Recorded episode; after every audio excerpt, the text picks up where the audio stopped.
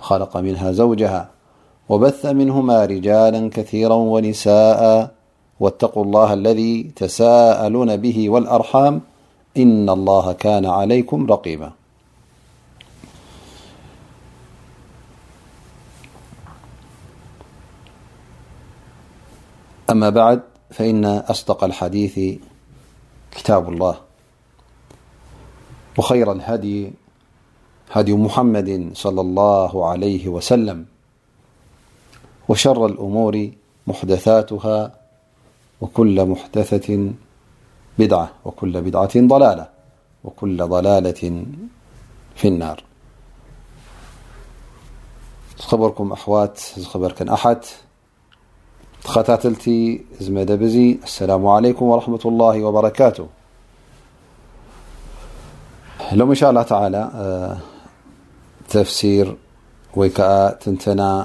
ሸርሕ ናይ ኣሓዲት ርያዱ ሳልሒን ንወስድ ኣለና ሸኽ መሓመድ እብን ዑሰይሚን ሎም መዓልቲ ሓዲስ ሒዝናዮ ዘለና ጸብጻብ ወይ ቁጽሩ ክልተ ሚእትን ሰላሳን ትሽዓተን ይኸውን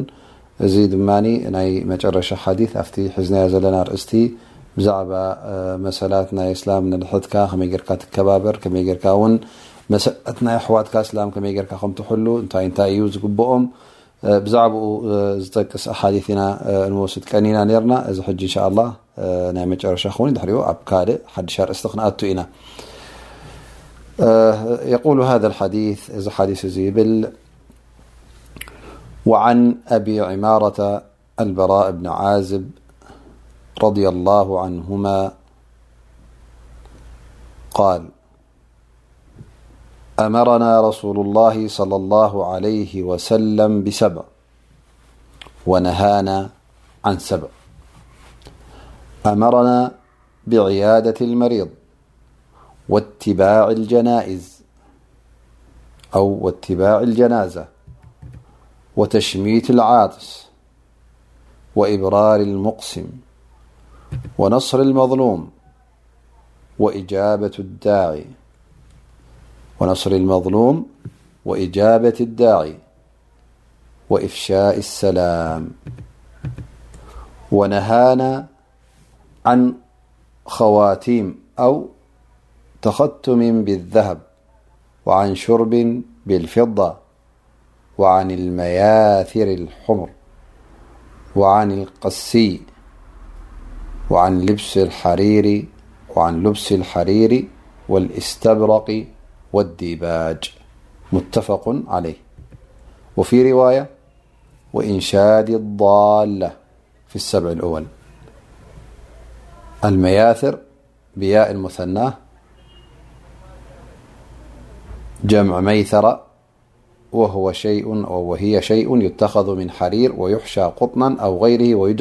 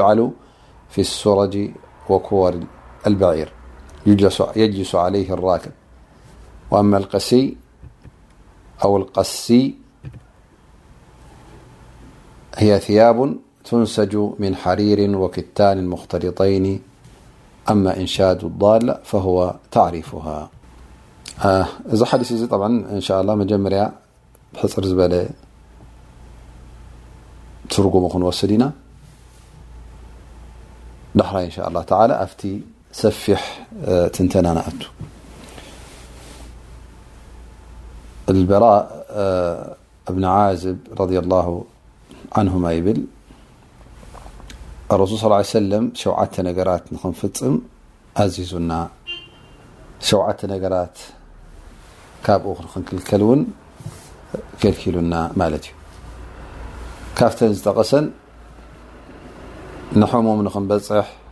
ተኣዚዝና ጀናዛ ማለት ንቀብሪ ማለት እዩ ጀናዛ ክትከይድ ደድሕሪኣ ክትክተላ ተኣዚዝና እንጥሸው ኢሉ ሓምዱላ ዝበለ ይርሓሙ ከላ ንክብሎ ተሽሚት ኣልዓጥስ ይበሃል ከምኡ ውን ንዝመሓለ ማሕልኡ ከተኽብረሉ ንተዓመፀ ክትድግፎ ንዝዓደመካ ድማ ንክትቅበል ሰላም ድማ ንኸነዘውትር እዚኤን ተን ሸውዓተ ማለት እዩ ተን ዝኸልከለና ነቢ ስ ሰለም ዝኸልከሉና ከዓ ወርቂ ካትም ወይ ከዓ ካትም ናይ ወርቂ ንኸይንለብስ ከምኡ እውን ብብሩር ዝተሰርሐ መቕድሕ ጌርና ንኸይንሰቲ ከምኡ እውን መያስር ኣልሑሙር ዝበሃል ዓይነት ኣብ ኮረቻ ናይ በቕሊ ኮይኑ ናይ ፈረስ ኮይኑ ናይ ገመል ኮይኑ ኣብ ልዕሊኡ ዝግበር ማለት እዩ ኮፍ ዝበሃሎ ብሓሪር ዝተሰርሐ ብሃሪ ካብኡ ተኸልኪልና ከምኡ ውን ቐሲ ዝበሃል ሃርን ሕዋስ ፈትልን ዘለዎ ከምኡ ውን ሃሪ ንበይኑ እስተብረቕ ወዲባጅ ማለት ረቂቕን ተሪርን ዝኾነ ሃሪ ንኸይ ንጥቀም ንኸይ ንክደን ተኸልኪልና ይብል ከምኡ ውን ካብታ ሓንቲ ሓዲስ ወይ ከዓ ካልእ ሓዲስ ተጠቕሰት ውን ምስተን ቀዳሞት ተኣቱ ምስተን ተኣዘዝናየን ኢንሻድ ዳላ ኢሉ ማለት እዩ ንዝጠፈኣት ዝጠፈኣ ነገር እንተ ረኺብናዮስ መን እዩ ዋንኡ ኢልካ ክትሓትት ማለት እዩ እዚ እዩ ተ ናይ ሎም መዓልቲ ሓዲት እንሻ ኣላ ኣብቲ ትንተና ወይ ከዓ ኣብቲ ሰፊሕ ትንተና ክንኣቱ ኢና እንታይ ብ ቲ ዝሓለፈ ገሊኡ ኣብቲ ዝሓለፈ ደርስና ውሲድናያ ነርና ምድጋም ውን ኣየድልን እዩ እንሻላ ምክንያቱ ዝሓለፈ ሰሙን ኢና ዳርጋ ወሲድናያ ነርና ማለት እዩ ላኪን እቲ ዘይተጠቀሰ እንሻ ላ ተላ ሎሚ ኣብኡ ብዝያዳ ከነተኩር ኢና ማለት እዩ طብ ኣብዚ ሓዲስ እዚ ንሪኦ ዘለና ነቢ صለ ه ሰለም ሸውዓተ ነገራት ጠቂሶምሎም ማለት እዩ እሰን ከዓ ክፍፀማ ዘለዎን ትእዛዝ እየን እሰን ትረኣናየን ድማ ምስ ምንታይ ዝራኸባ እየን ምስቲ ሒዝናያ ዘለና ርእስቲ መሰላት ናይ እስላማይ ዝሕለወለን እንታይ እንታይ ክትገብረሉ ከም ዘለካ ኣብኡ ዘተኮረ ማለት እዩ እተን ተኸልከላ ግን ተርኣና እየን ግዴታ ኣይኮናን ናይ ርክባት ወይ ከዓ ናይ መሰላት ኣሕዋትካ ኣስላም ዝሕልዋ ዘይኮናስ ብካልእ ናይ ጉዳይ ወርቂ ካትም ምጥቃም ወይ ከዓ ሃሪ ዝኣመሰለ ከምኡታት ዓይነታት ዝልበስ ነገር እዚ ናይ ውልቅኻ ንዓኻ ዘርኢ ጥራይ ይኸውን ማለት እዩ ላኪን እቲ ሓዲት ክልቲኡ ዘማልእ ስለ ዝኾነ እቲ ሙኣልፍ እቲ ደራሲ ነዚ ክታብ እዚ ዝኣኻኸበ ኣብቲ ናይ ኣርእስቲ ሒዝናዮ ዘለና ክብረት ናይ ኣስላም ከመይ ጌርካ ከም ትሕሉ መሰላቶም ከመይ ጌርካ ከም ትሕልወሎም ኣሕዋትካ ኣስላም ብዛዕባኡ ዘርኢ ኣብኡ ኣእትዎ ማለት እዩ ሓደ ካብቲ ተጠቕሰ ማለት እዩ ኣብቲ ዝሓለፈ ውን ገለ ቁሩብ ተጠቂሱ ነሩ ላኪን ፍልይ ኣቢሎም እነቢ ስ ሰለም ሕጂ እንታይ ጠቂሶም ማለት እዩ ኑስረት መሉም ነስሩ መሉም ነስሩ መሉም ክበሃል ከሉ ከዓ እተዓመፀ ሰብ ክትድግፎን ክትሕግዞን ማለት እዩ ካብ መን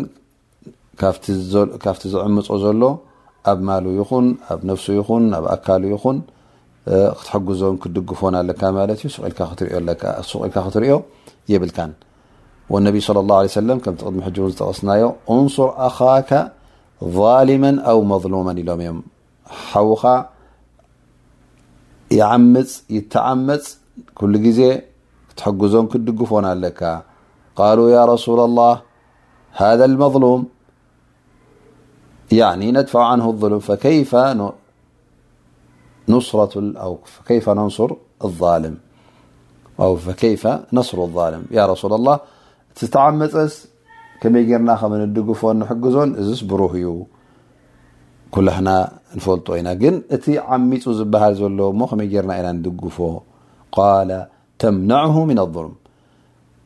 ካብቲ ዝፍጽሞ ዘሎ ዓመጽ ካብኡ ትኽልኩሎ ደው ተብሎ ኣይፋልካ ትብሎ ትመኽሮ ፈሃذ ነስረቱ ለሁ እዚ ንዕኡ ደገፍ ማለት እዩ ሓገዝ ማለት እዩ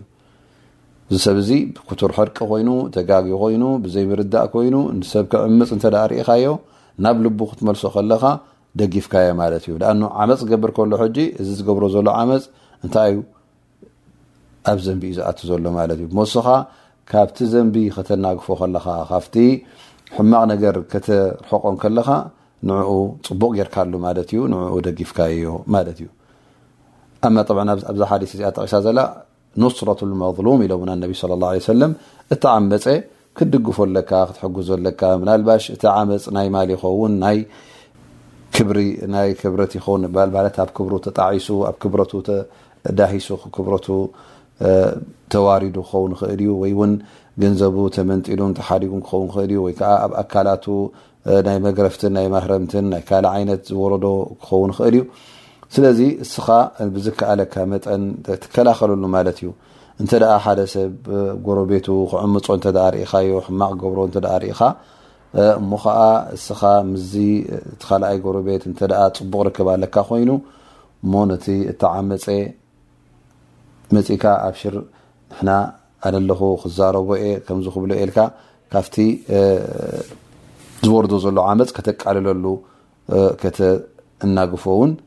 ትፍትን ማለት እዩ ብነሲሓ ኮይኑ ብምክሪ ሂብካ ኮንካ ነቲ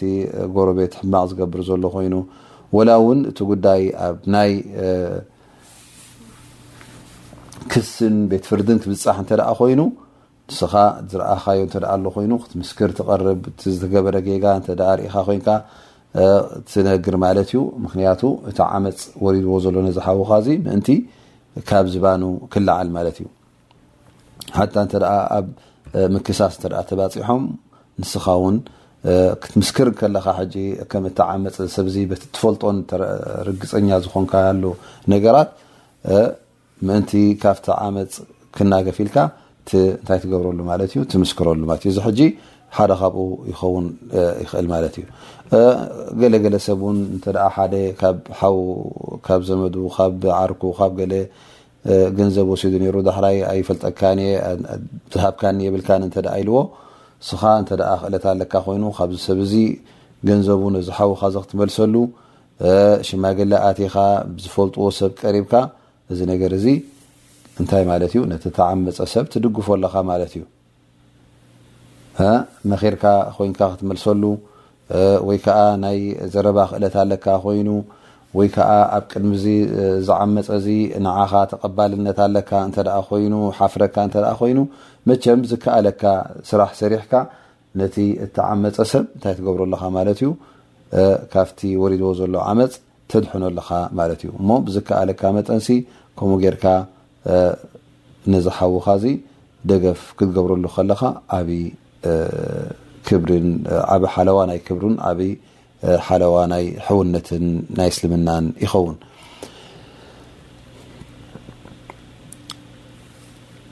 ካብቲ እተጠቕሰ ውን ነቢ صለ ه ሰለ ወእብራር ቀሰም ማለት እዩ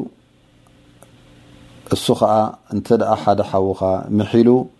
ማሕልኡ ኣብ መሬት ከተውደቓ የብልካን ማሕልኡ ክትሕልወሉ ኣለካ ማሕልኡ ክትሕልወሉ ኣለካ ንኣብነት እንተ ደኣ ምሒሉ ወላህባ እዚ ክትገብር ወላህባ ከምዚ ክትገብር ኢሉ እንተ ምሒሉ እሞ እስኻ እዚ ዝብሎ ዘሎ ዘለባ ንዓኻ ዘይጎድእ እንተ ኮይኑ ካብ መሓሌልካ ሕራ ኢልካ ክትቅበሎ ኣለካ ማለት እዩ እዚ መብዝሕቲ ግዜ ኣብ ምንታይ ዝርከብ ጋሻ ክመፀካ ከሉ መሰ ንኣብነት ሕጂ እዚ ጋሻ መናልባሽ ተሰኪፉ ኸውን ላስ ኣብ ካልእ ቦታ ክሓድር ወይከዓ ሆቴል ክሓድር የ ክብል ከሎ ስኻ ኣነ ከለኹካ ስለምታይ ትሓድር ወላ ባ ብዚ ክትሓድር ኢልካ ወይከዓ ወላ ባ ክትድርር ወላ ባ ክትበልዕ ኢሉ ይመሓል ማለት እዩ እሞ ከምዚ ማሓላ እተ ምሒሉ ሱቅ ኢልካ ማሕልኡ ክትጥሕስ የብልካን ካብ መሓለ ኢልካ ምእንቲ ከፋራ ንከይወጅቦ ነዚ ሓውካ እዚ ማሕልኡ ከተክብረሉ ኣለካ ማለት እዩ ላን ከምቲ ዝበልናዮ እዚ ማሓላ እዚ ንዓኻ ዝጎድእ ክኸውን የብሉን ምናልባሽ እንተ ምሒሉ ሓደ ምስጢር ናካ ን ናይ ካልእ ሰብ ምስጢር ንክትነግሮ እተ ምሒሉ ወላ ይምሓል ኣ እበር ክትነግሮ የብልካ ኣ ንሱ ሕጂ ኣብዘይ ፍቀድ ኣብዘይ መሰላቱ ይኣቱ ስለ ዘሎ ንሱ በዝገብሮ ዘሎ ሕጂ ነቲ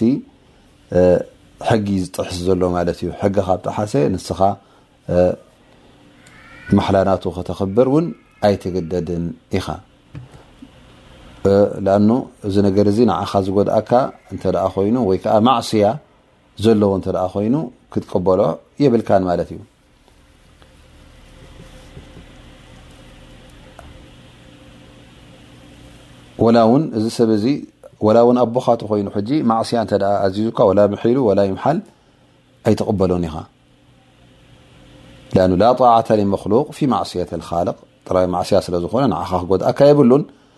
እነማ እንታዩ እንተ ንዓኻ ጉድኣት ዘይብሉ ኮይኑ ናብ ማዕስያ ዘውድቕ ትደኣ ዘይኮይኑ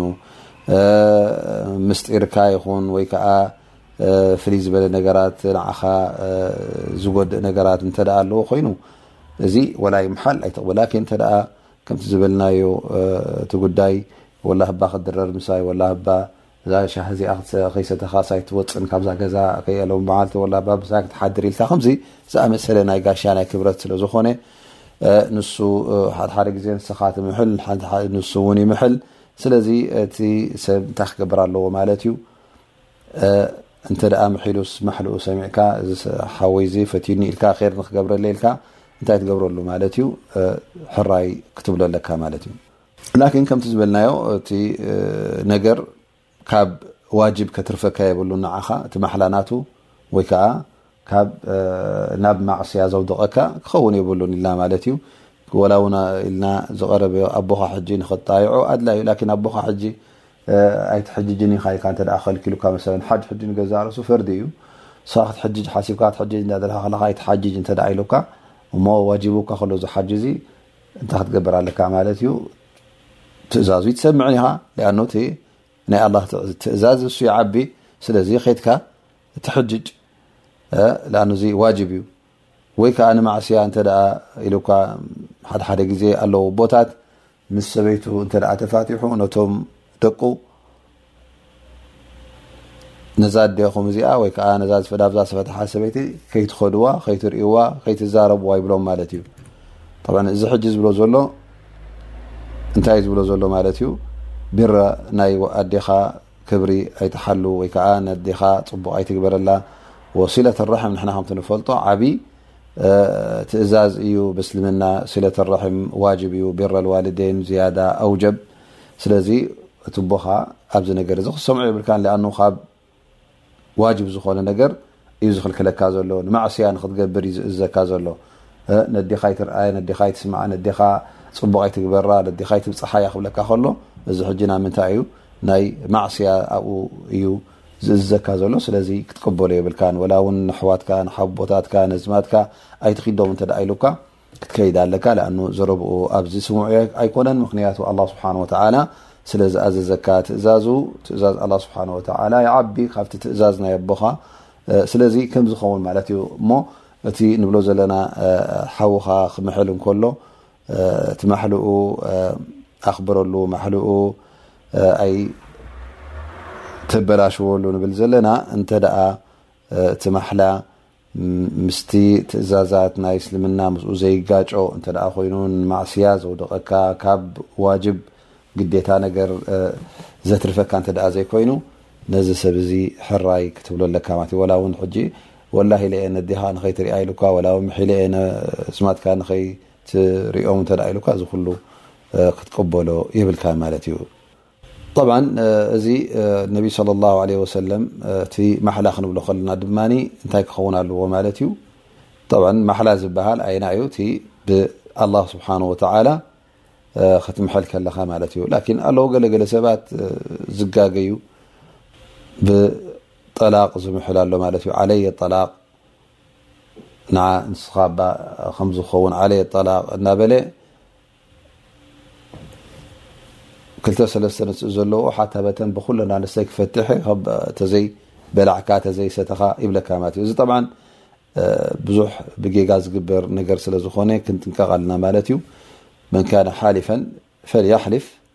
ቢላህ ኢሎም ነቢ ለ ላ ለ ሰለም ኣው ልየስሙት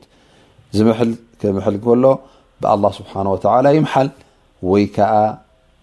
ኣፉ ይሓዝ ስቅ ይበል ኢሎም ነቢ ለ ላ ለ ሰለም ኣማ ናይ ዓለየ ጠላቅ ግለ ዝበሃል ዑለማ ጠብዓ ከም ማሓላ ገይሮም ይርኣይዎ ደኣ እምበር እቶም መዛህብ ኣርዓ እንተ ርእና ከም ማሓላ ገይሮም ኣይወስድዎን እዮም እንታይ ደኣ እቲ ጠላቅ ምስኡ ከም እተንጠልጠለ ገይሮም እዮም ዝወስድዎ እሞ እንተ ዓለየ ጠላቅ ኢልካ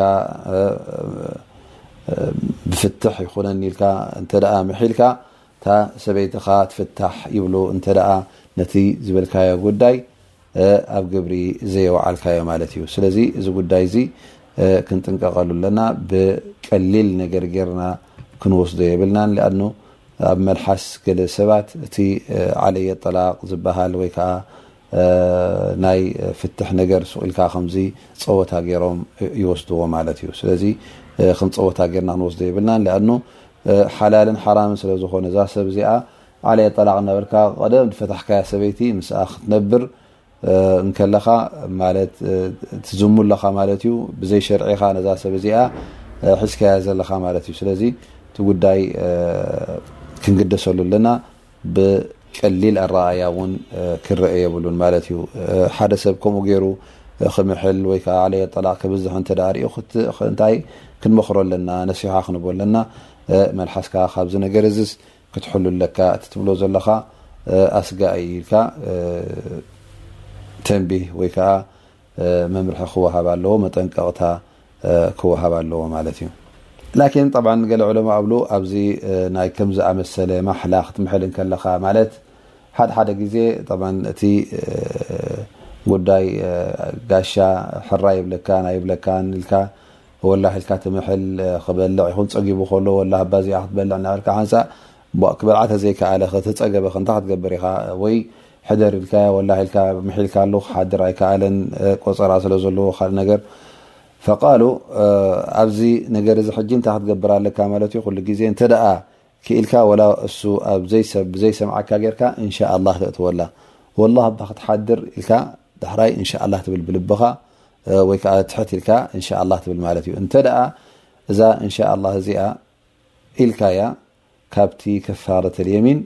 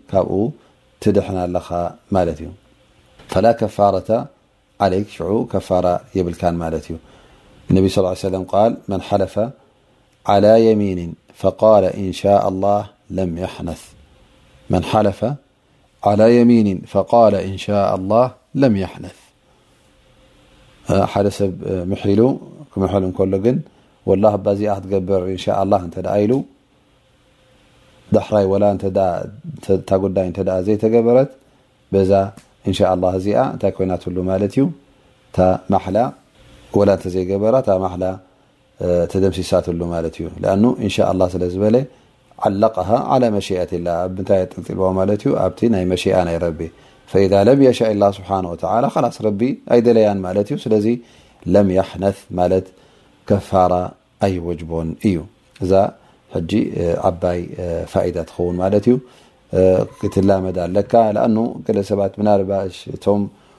ማሓላ ዘብዝሑ ኩሉ ግዜ እዛ እንሻ ላ እንተ ዘእትውላ ዝበለፀ ይኸውን ማለት እዩ ኩሉ ግዜ እንሻ ላ ድዕድኣ ኢሉ እታ ማሓላ ናቱ ኩሉ ግዜ ብሰላመት ይሓልፋ ማለት እዩ ብሰላመት ይሰግራ እዚአን ጠብዓ ካብተን ትእዛዛት ፍልይ ዝበላ ሎ መዓልቲ ከም መወሰኽታ ካብቲ ዝወሰድናዮ ኣብ ዝሓለፈ ቅንያት እተን ሓሙሽተ ወይ ከዓ ሽዱሽተ ወሲድናዮ ዝነበርና ሎሚ ከዓ ክልተ ሰለስተ ረኪብና ኣለና ማለት እዩ ፍልይ ዝበላ ዝያዳ ኣማ እቲ ተኸልከልናዮ ዝበለ ኣልበራ እብኑ ዓዝብ ነቢ ስለ ላሁ ለ ሰለም ዝኸልከሉና ዝበለ ቀዳመይቲ ጠቂስዋ ዘሎ ኣተኸቱም ወይ ከዓ ካተም ናይ ወርቂ ምግባር ማለት እዩ ጠብዓ እዚ ንመን እዩ ንደቂ ተባዕትዮ እምበር ደቂ ኣንስትዮ ንዐን ዘርኢ ጉዳይ ኣይኮነን ላኪን ደቂ ተባዕትዮ ካትም ናይ ወርቂ ይኹን ኣብ ኢዱ ኣብ ቅልፅሙ ከምዚ በናጀር ዝኣመሰለ ወይ ከዓ ሰንሰለት ኣብ ክሳዱ ወይ ከዓ ኣብ እዝኑ ዝንጥልጠል ሱቁሬን ዝኾነ ይኹን ሲ ናይ ሽልማት ነገር ፈፂሙ ኣብ ርእሱ ይኹን ኣብ እግሩ ይኹን ኣብ ዝኾነ ይኹን ኣብ ኣካላቱ ኣብ ሰዓት ይኹን ኣብ ቁልፊ ይኹን እዚ ኩሉ ወርቂ ንክገብር ኣይፍቀዶን እዩ ሊኣ ነቢ ለ ላ ለ ሰለም ሓደ ግዜ ሓደ ካብቶም ስሓብ ነቢ ካተም ገይሩ ምስ መፀ ብጣዕሚ ንሂሮሞ ማለት እዩ ቃል ያዕመዱ ኣሓድኩም ኢላ ጀምረት ምን ናር ፈየضዑሃ ፊ እስቡዐ ንስኻትኩም ሓደ ካባኻትኩም ንእሳት ኣምፅኡ ኣብ ኢዱ ይሶክዓዶ ኢሎም ነቢ صለ ላ ለ ወሰለም ሽዑ ነዚ ብፃዮም እዚ ነቢ صለ ላ ሰለም ታብ ኢዱ ዝነበረት ወርቂ ኣውፅኦም ሰው ኣቢሎም ይድርብዋ ማለት እዩ ድሕሪኡ ድሕሪ ኮፍ ኢሎም ምስ ተስኡ ነቢ صለ ላ ለ ወሰለም እዚ ሰብኣይ እዚ ድማ ነታ ካተሙ ገዲፍዋ ተስኡ ማለት እዩ ፈቶም ምስኡም ዝነበሩ ቶም ብፆት ነቢና ሙሓመድ ስ ሰለም ነቲ ሰብኣ ይብልዎ እባ እንታይ ደኣ እዛ ካትም ከገዲፍካያ ተኸይዳ ኣለካ ውሰዳ እባ ተጠቐመላ ነቢ ስ ሰለም ኣይትከደና እዮም ኢሎም ካ ደኣ እምበር መዓስ ድርብያ ኢሎምኻ ኢሎም ምስ ተዛረቦም ቃል ወላሂ ላኣኹዙ ኻተመን ጠረሐሁ ኣነብዩ ሰለ ላሁ ዓለይሂ ወሰለም ኣነ ፈፂመ እዚ ኻተም እዚ ነቢ ስ ሰለም ዝድርበይዎስ ፈፂመ ኣነ ኻብ መሬት ኣየልዕሎን እየ እሶም ፎእ ኢሎም ካብቲ ኢደይ ሰዲዶሞ ኣነ እውን ኣይደልዮን እየ ኽያላስ ካብ ነፍሰይ ወፂኡ ኢሎም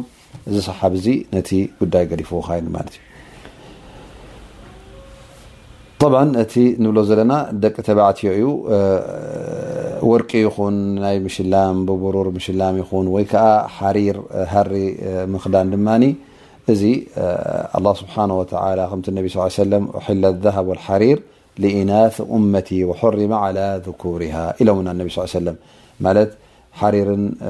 ሃርን ማለት ሃሪ ማለት እዩ ወርቅን ነተን ደቂ ኣንስትዮ ካብ እማናተይ ንዕን ተፈቒድዎን እዩ ደቂ ተባዕትዮ ግን ኣይተፈቐዶምን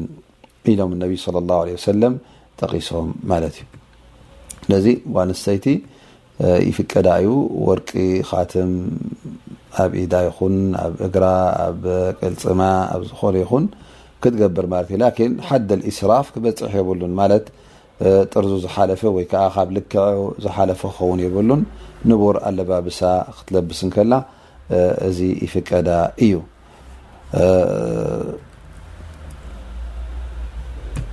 ነቢ صለ ላه ለ ወሰለም ኣብቲ ግዜ ናቶም እውን እንተ ርኢና ተን ደቂ ኣንስትዮ ወርቂ ይክደና ነይረን እየን ላኪን ሓደ ካብቲ ኩሉ ግዜ ንሕተቶ ማለት እዩ ዝሓቶ ደቂ ኣንስትዮ ሃል ዘካት ይወፆ ዶ ኣይወፆን ደቂ ኣንስተይቲ እንተ ደኣ እኩብ ወርቂ ኣለዋ ኮይኑ ንዘካት እውን ኒሳብ ዝመለአ እንተ ደኣ ኮይኑስ ከተውፅእ ዶ ትግደድ እያ ኣይትግደድን ዝብል ሕቶ ኩሉ ግዜ መፅእ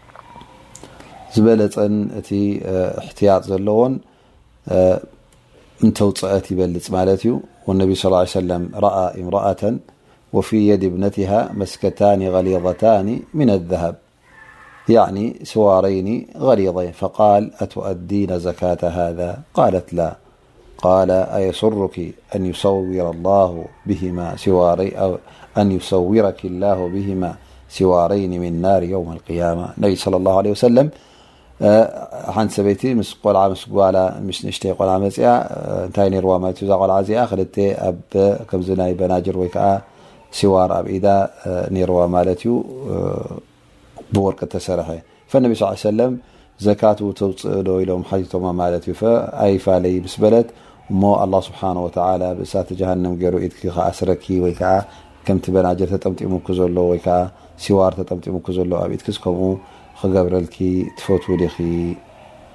ኢሎም ነቢ صለ ላه ለ ሰለም ተዛሪቦማ ማለት እዩ ፈኢዘ እዚ ስለ ዝኾነ እዛ ሓዲሳት ስለ ዘሎ ጓል ሰይቲ እንተ ኣለዋ ኮይኑ ክልተን ፈረቓን ካብ ሚቲ ካብቲ ወርቃ ተውፅእ ማለት እዩ ትመዝኖ ዋግኡ ክንደይ ከም ምኳኑ ትሓትት ክንተሸጠቶ ክንደይ የውፅእ ካብኡ ክልተን ፈረቓን ካብ ሚእቲ ኣውፅኣ ንመሳኪን ትህብ ማለት እዩ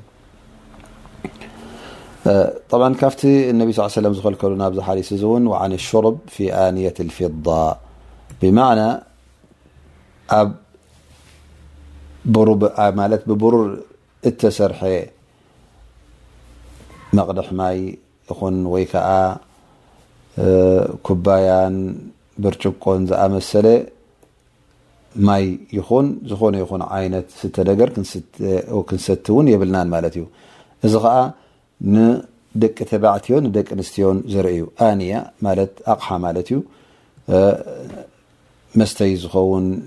ዝኾነ ማይ ይኹን ወላ መረቕ ይኹን ወላ ፀባ ይኹን ወላ ኮካ ይኹን ገለ ይኹን ዝኾነ ይኹን ዓይነት ዝሰትየሉ ወተባዕታ ይኹን ጋል ኣንስተይቲ ተኸልኪሉ እዩ ብቡሩር እተሰርሐ ወይ ከዓ ብወርቂ እውን እተሰርሐ ወላ እውን እቲ ወርቂ ማለት ብካልእ ተሰሪሑ ከሎ እዚ ወርቂ እዚ ከም መሸለምታ ተገይሩ እንተ ኣሎ ኮይኑ እዚ እውን ኩሉ ይክልከል ማለት እዩ ስለዚ ንኩላህና ደቂ ኣንስትዮን ደቂ ተባዕትዮ ምናልባሽ ገሊኤን ደቂ ኣንስትዮ ጓል ኣንስተይቲ ወርቂ ክትክደን ሓላል ከም ምዃኑ ስለ ዝፈልጣ እሞ ብወርቂ እተሰርሐ ኩባያ ይኹን ወይ ከዓ መቅደሕ ወይ ከዓ ብርጭቁ ብኡ እንተሰተና ወይ ከዓ ብፋርኬታ ናይ ወርቂ እንተበላዕናን እንተበላንሲ ይፍቀድ ከይመስለን ፈቀድ እዩ ከይብላ እነሀ እዚ ነገር እዚ ንኩሉ እዩ ሓራም والنبي صلى الله عله وسلم قال لا تشربوا في آنية الذهب ولا تأكلوا في صحافها فإنها لهم في الدنيا ولكم في الآخرة فمكم أب أقحني ور أيتبلعون أيتستين مخنية نجرت نم كحت ب الدنيا ي لكن أنم س إيمان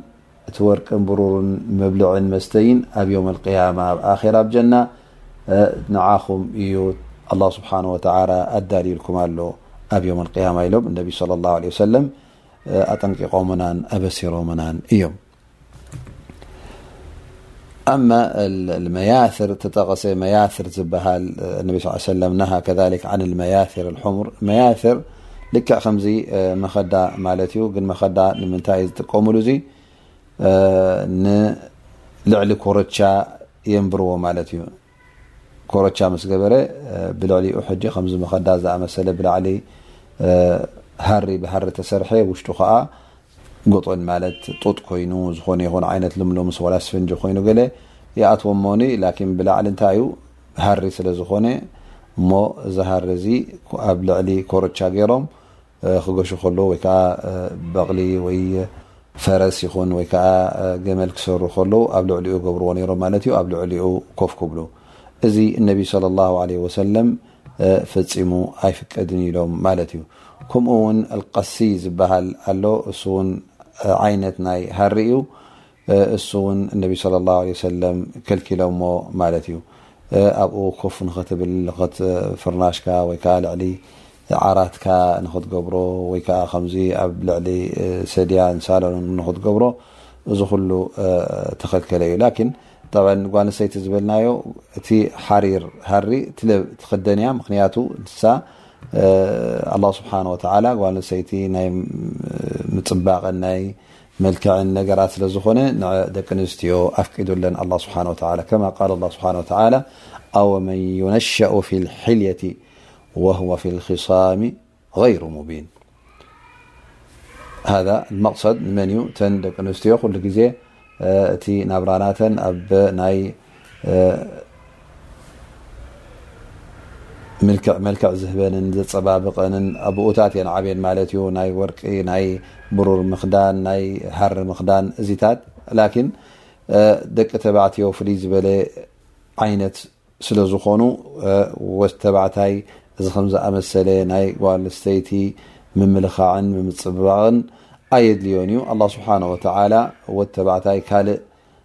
ዓይነት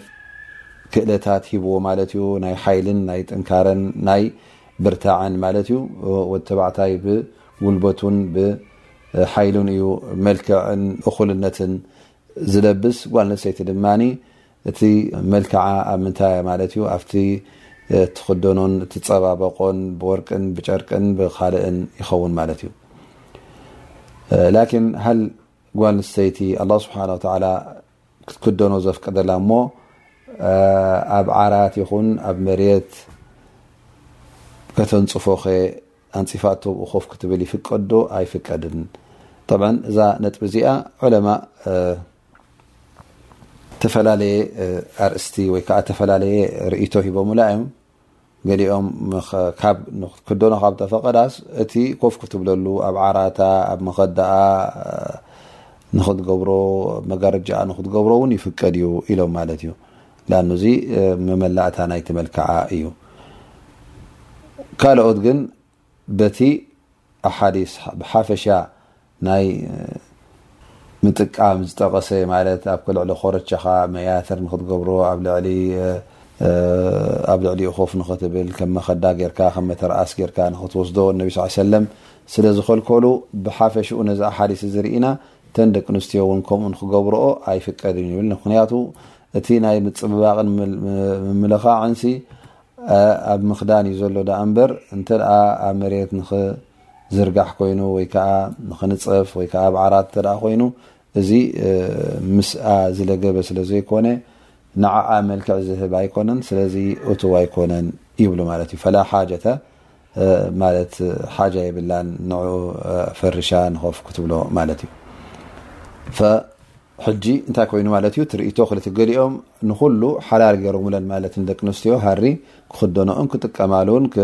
ኮፍ ክብልኦን ክፍርሽኦን ክንፅፍኦን ማለት እዩ እቲ ካልእ ርእቶ ድማ ላ ኣይኮነን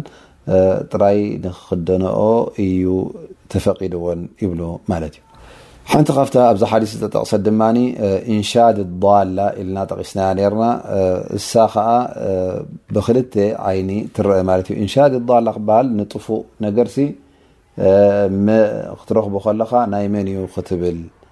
እዚ ካብቲ ነቢ ص ه ሰለ ዝኣዘዙና ይብል ምክንያቱ ዳላ ክበሃል ከሎ ዝጠፈአ ነገር ማለት እዩ እሞ እንተ ሓደ ጥፉእ ነገር ረኺብካ እንስሳ ክኸውን ይኽእል እዩ ወይ ከዓ ገንዘብ ክኸውን ይኽእል እዩ እሞ ሕጂ እንተ ረኺብካዮስ ናይ መን ኢልካ ክትሓትት ኣለካ፣ ሱቕ ኢልካ ሒዝካዮ ሱቕ ክትብል የብልካን። ንገዛእ ርእሱ እቲ እንስሳ ኣብ ክልተ እዩ ዝምቀል፣ ክልተ ዓይነት ኢሎም እቶም ዑለማእ፣ እቲ ሓደ ዓበይቲ እንስሳታት ካብ ንኣሽቱ ዝብኢ ገለሜታት ዘይፍራህ እንተ ኮይኑ እዚ ንገዛእ ርእሱ ክትሓተሉ የብልካን፣ ወይ ከዓ ክበርር ዝኽእል ካብ ኣዛብእ ይኹን ካብ ካልእ ነገራት ነብሱ ክሕሉ ዝኽእል እንተ ኮይኑ ኢሎም እዚ ጥፉእ ኢልካ ክትሕዞ ወይ ከዓ ኣብ ገዛኻ ክተእትዎ የብልካን ከም ንኣብነት ገመል እንተ ረኺብካ ሕጂ በይኑ ዝጠፍአ መፂእካ እዚ ስጥፉእ ኢልካ ክትወስዶ የብልካን እንታይ ትገብሮ ደኣ ክትገድፎ ኣለካ ማለት እዩ ከምኡ ውን በራሪ ነገር እተ ኮይኑ ከም ኣሞራ ከም ርግቢት ገለ ጠፍአት ነገር ኢልካ ስቁኢልካ ክትሕዛ የብልካ እተ ኣብ ጥቃ ገዛካ መፅኣ ካብኡ ክተብርራ ኣለካ ማለት እዩ ከምኡ እተ ኮይኑ ሕጂ ነቢ ስ ሰለም ሓቲቶም እዮም ሓደ እዋን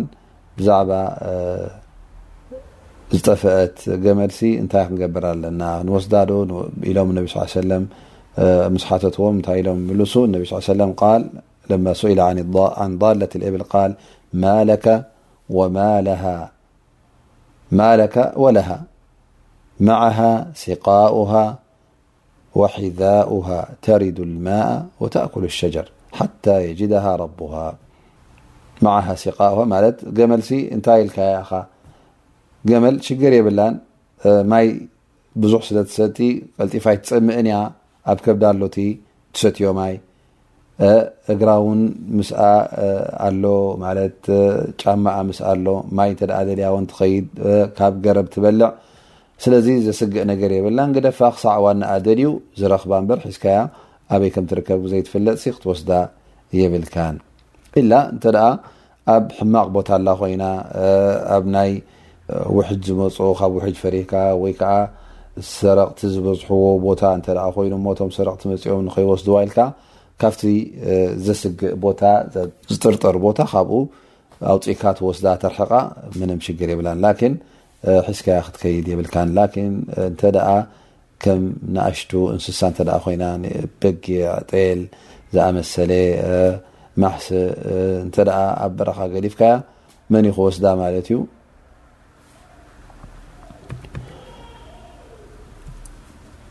እዚኣ ዝኾነ ዝብኢ መፅኡ ገለ ዝባላዕ እንስሳ መፅኡ ክበልዓን ክጎድኣን ውኻርያ ይኹን ገለ ኮይኑ ስለ ዝኽእል እነቢ ለ ላ ለ ሰለም ነዘን ከም ዝኣመሰላ ንኣሽቱ ብዛዕባኦም ምስተሓተቱ ውሰድዎ ዲሎም እነቢ ስ ሰለም ግን ተሓተለን ማለት እዩ ሓደ ዓመት ዝኸውን ድሕሪኡ ወላ ንዓኻ ተወሰድካያ ምንም ሽግር ላኪን ሓደ ዓመት ዝኸውን ተሓተላ ማለት እዩ ፈነቢ ስ ሰለም ዕንደማ ሰኢል ቃል ተኣኹዙሃ እነቢ ስ ሰለም ቃል ላሂያ ለካ ኣው ሊኣኪክ ኣው ልዝእብ ያኒ እዛ ጠፊኣ ዘላ እዛ ሰብ ዘይብላ ጤለ በጊዕ እንተ ደኣ ኮይና ግን ወይ ንዓኸዓ ወይ ነቲ ኣጥፊእዋ ዘሎ ሓዉኻ ወይ ከዓ ዝብእ ክወስዳ እዩ ስለዚ ዝብኢ ንኸይወስዳ ንስኻ ትሕልዋ እንተ ክኢልካ ተምፅኣ ምስተን ናትካ እንስሳ ትገብራ ማለት እዩ ክሳዕ ዋናኣ ዝርከብ እንተ ተረኺቡ ኣብ ሓደ ዓመት ዝኸውን ሓቲትካ ሓቲትካ ትህቦ ማለት እንተ ዘይተረኸበ ምስተን ናትካ ትሕዛ ማለት እዩ ብስኡ እውን ትቕፅል ከም ናትካ እውን ክትከውን ትኽእል እያ ማለት እዩ ላኪን ዳሕራይ ዋላ ድሕሪ ዓመት ዋናኣ እንተ ተረኪቡ እንተ መፅኡ እንተ ሓቲቱ ክትህቦ ኣለካ ላኪን ክትሓትት ብድሕሪኡ ኣይትግደድን ኢኻ ላኪን ኢንሻድ ዳላ ዝብሉና ዘለዉ ነቢ ስ ሰለም ክሳዕ ዓመትሲ ክትሓትት ኣለካ ናይ መን እያ ክትብል ኣለካ ማለት እዩ እዚ እቲ ሓደ ትተኣዘዘ ማለት እዩ እንተ ኢንሻድ ዳላ ኣብዚ ሓዲስ እዚ ካብቲ ዝኣዘዙና እዩ እንተ ኮይኑ ከምዚ ይኸውን ማለት እዩ ናይ መን እያ ልካ እዛ ጠፊኣ ዘላ ንብረትሲ ክትሓተላ ማለት እዩ ካብ ረኸብካ እያ መን ኣጥፊእዋ ናይ መን እያ ኢልካ ንሓደ ዓመት ዝኸውን ትሓትት ማለት እዩ። ጠብዓ እዚ ኣብ ሓረም ኣብ መካ እንተ ዘይኮነ ማለት እዩ። ኣማ ኣብ ሓረም ኣብ መካ ኣብቲ ሓረም ዝበሃል ቦታ እንተ ኮይኑ ፈፂምካ እቲ ወዲቑ ዘሎ ነገር ከተልዕሎ የብልካን ክሳዕ ዋንኡ መፅኡ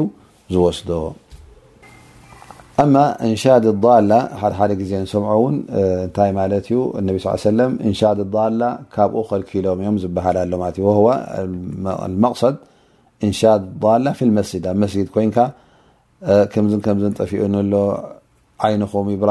رأي ين بل مسجد م زرب فالن صلى الله عيه سل يول إذا سمعتم أحدا ينشد ضالة في المسجد فقولوا له لا رده الله عليك فإن المساجد لم تبنى لهذا ان صلى الله عله وسل حد س مسجد م ዓይኑ ትብራህ ከምዚ ዓይኒ ከምዝን ከምዝን ዝረኣየ እዚኣን እዚኣን ጠፊኣህንላ ዝበለ እንተ ከምኡ ኢሉስ ረቢ ኣይምለሰልካ እታ ጠፊኣካ ዘላ በልዎ ኢኹም መሳጊድ ነዚ ከምዚ ነገር እዚ ኣይተነድቀን ንዚክር ሊላህ እዩ ተነዲቑ ኢሎም እነቢ ስለ ላ ስለዚ እንተ ገለ ጠፊኡካ ኣሎ ኮይኑ ኣብ መስጊድ ከተናዲ መን ኣሎ ዝረኣየ ክትብል ከምዚ ኢልካ ዓው ኢልካ ክትዛረብ ኣይፍቀድን እዩ። እንተ ካብቲ መስጊድ ውጽእ ምስ በልካ እቲ ሰብ ክወጽእ ከሎ ንዕኡ ተሓተትካዮ ደሓን እዩ። ላኪን ኣብ ውሽጢ መስጊድ ኮይንካ ክትሓትት የብልካን። ልክዕ ሓታ እነቢ ሰለላሁ ዐለይሂ ወሰለም እውን ዝገዝእን ዝሸየጥ ማለት ናይ ሸቐጥ ስራሕ ዝሰርሕ ኣብ ውሽጢ መስጊድ ማለት ይገዝእ ይሸይጥ ይልውጥ እንተ ርኢኻዮ ኣብ ምስጊድ ነቢ ስ ሰለም ቁል ለሁ ነቁል ላ ኣርባሓ ላሁ ትጃረተክ በሉ ወይ ሎም ነቢ ስ ሰለም ረቢ ትጃራኻ እስኪ ንግድኻ ኣይርብሓልካ በልዎ ኢኹም ምክንያቱ መስጊድ ናይ ዱንያ ነገር ንክስራሓሉ ማለት ንመሸጣን ንግድን ኣይኮነን ተሰሪሑ መሳጊድ ንዝክሪላህ እዩ እተሰረሐ ስለዚ እነቢ ለ ላ ለ ሰለም ኣብዚ ሓዲስ እዚ እንተ ርኢናዮም ዝኣዘዝዎ ነገራት ነይሩ ዝኸልከልዎ ነገራት ነይሩ ኩሉ ግዜ እቲ ኣብ እስልምና ብኣላህ ስብሓን ወተዓላ ይኹን ብነቢና ሙሓመድ ለ ላ ሰለም እንእዘዞ ትእዛዛት ኩሉ ንኼር ዝመርሕ ንሰናይ ዝመርሕ እዩ ከምኡ ውን እቲ እንኽልከሎ ነገራት ውን ካብ ሕማቕ ነገር ካብ ጥፍኣት ካብ ፈሳድ ካብኡ ዝሕልወና እዩ ስለዚ እቲ ከም መሰረት ጌርና ክንወስዶ ዘለና ኣብ እስልምና ኩሉ ግዜ እቲ እስልምና ንሰናይ ነገራት ንኸይር ነገራት የምጽኣልካ ካብ ሕማቕ ነገራት ካብ ክፉእ ነገራት ድማ ይሕልወካ ማለት እዩ እሞ ዝኾነ ይኹን ነገር ክትሪኦ ከለኻ ብክልተ ዓይኒ ክትሪኦ ኣለካ እንታይ ጥቕምን ረብሓን ኣለዎ እንታይ ከዓ ጉድኣት ኣለዎ እሞ እንተ ደኣ ረብሕኡ ካብ ጉድኣቱ ዝበዝሕ ኮይኑ እዚ ትገብሮ ማለት እዩ። እንተ ጉድኣቱ ካብ ረብሕኡ ዝበዝሕ እንተ ኮይኑ እዚ ክትቀርቦ የብልካን። ወይ እውን እቲ ጉድኣቱን ረብሕኡን ክልቲኡ ሓደ እንተ ኮይኑ እዚ እውን ክትርሕቆ ኣለካ ማለት እዩ። ምክንያቱ ካብቲ ሓደ ቃዒዳ ዝበሃል ወይ ከዓ ቀንዲ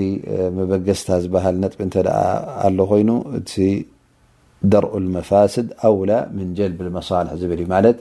ሕማቕ ነገራት ንምንጻግ ቀዳምነት ክወሃብ ኣለዎ ካብ ንጽቡቕ ነገራት ንምውሳድ ማለት እዩ። ስለዚ ሕውዋስ እንተ ኮይኑ ሓደ ነገር ብሓደ ሸነኹ ጽቡቕ ብሓደ ሸነኹ ግን ሕማቕ ነገራት ዘምጽእ እንተ ኮይኑ እሞ ተመዛዝን ማለት እዩ። እሞ እቲ ናይ ሕማቕ እንተ ዝበዝሕ ኮይኑ ጉድኣት ዘለዎ ዝበዝሕ እንተ ኮይኑ ነዚ ትርሕቆ ማለት እዩ ሊኣኑ ቀዳምነት እንታይ እዩ ነቲ ጉድኣት ክትጥፍእ ኣለካ ከተርሕቕ ኣለካ ቅድሚ ሰናይን ኼርን ወይ ከዓ ፅቡቕ ነገራት ምእካብካ ናይ ኢሎም መዓልቲ ደርሰና ዝኸበርኩምን ዝኸበርክን ኣሕዋት በዚ ድምደም ኣስኣላ ስብሓን ወተላ ኣን የንፋዕና ብማ ሰሚዕና وأن يعلمنا ما ينفعنا وأن يزيدنا علما ويوفقنا لما يحب ويرضى وصلى الله على نبينا محمد وعلى آله وصحبه وسلم والحمد لله رب العالمين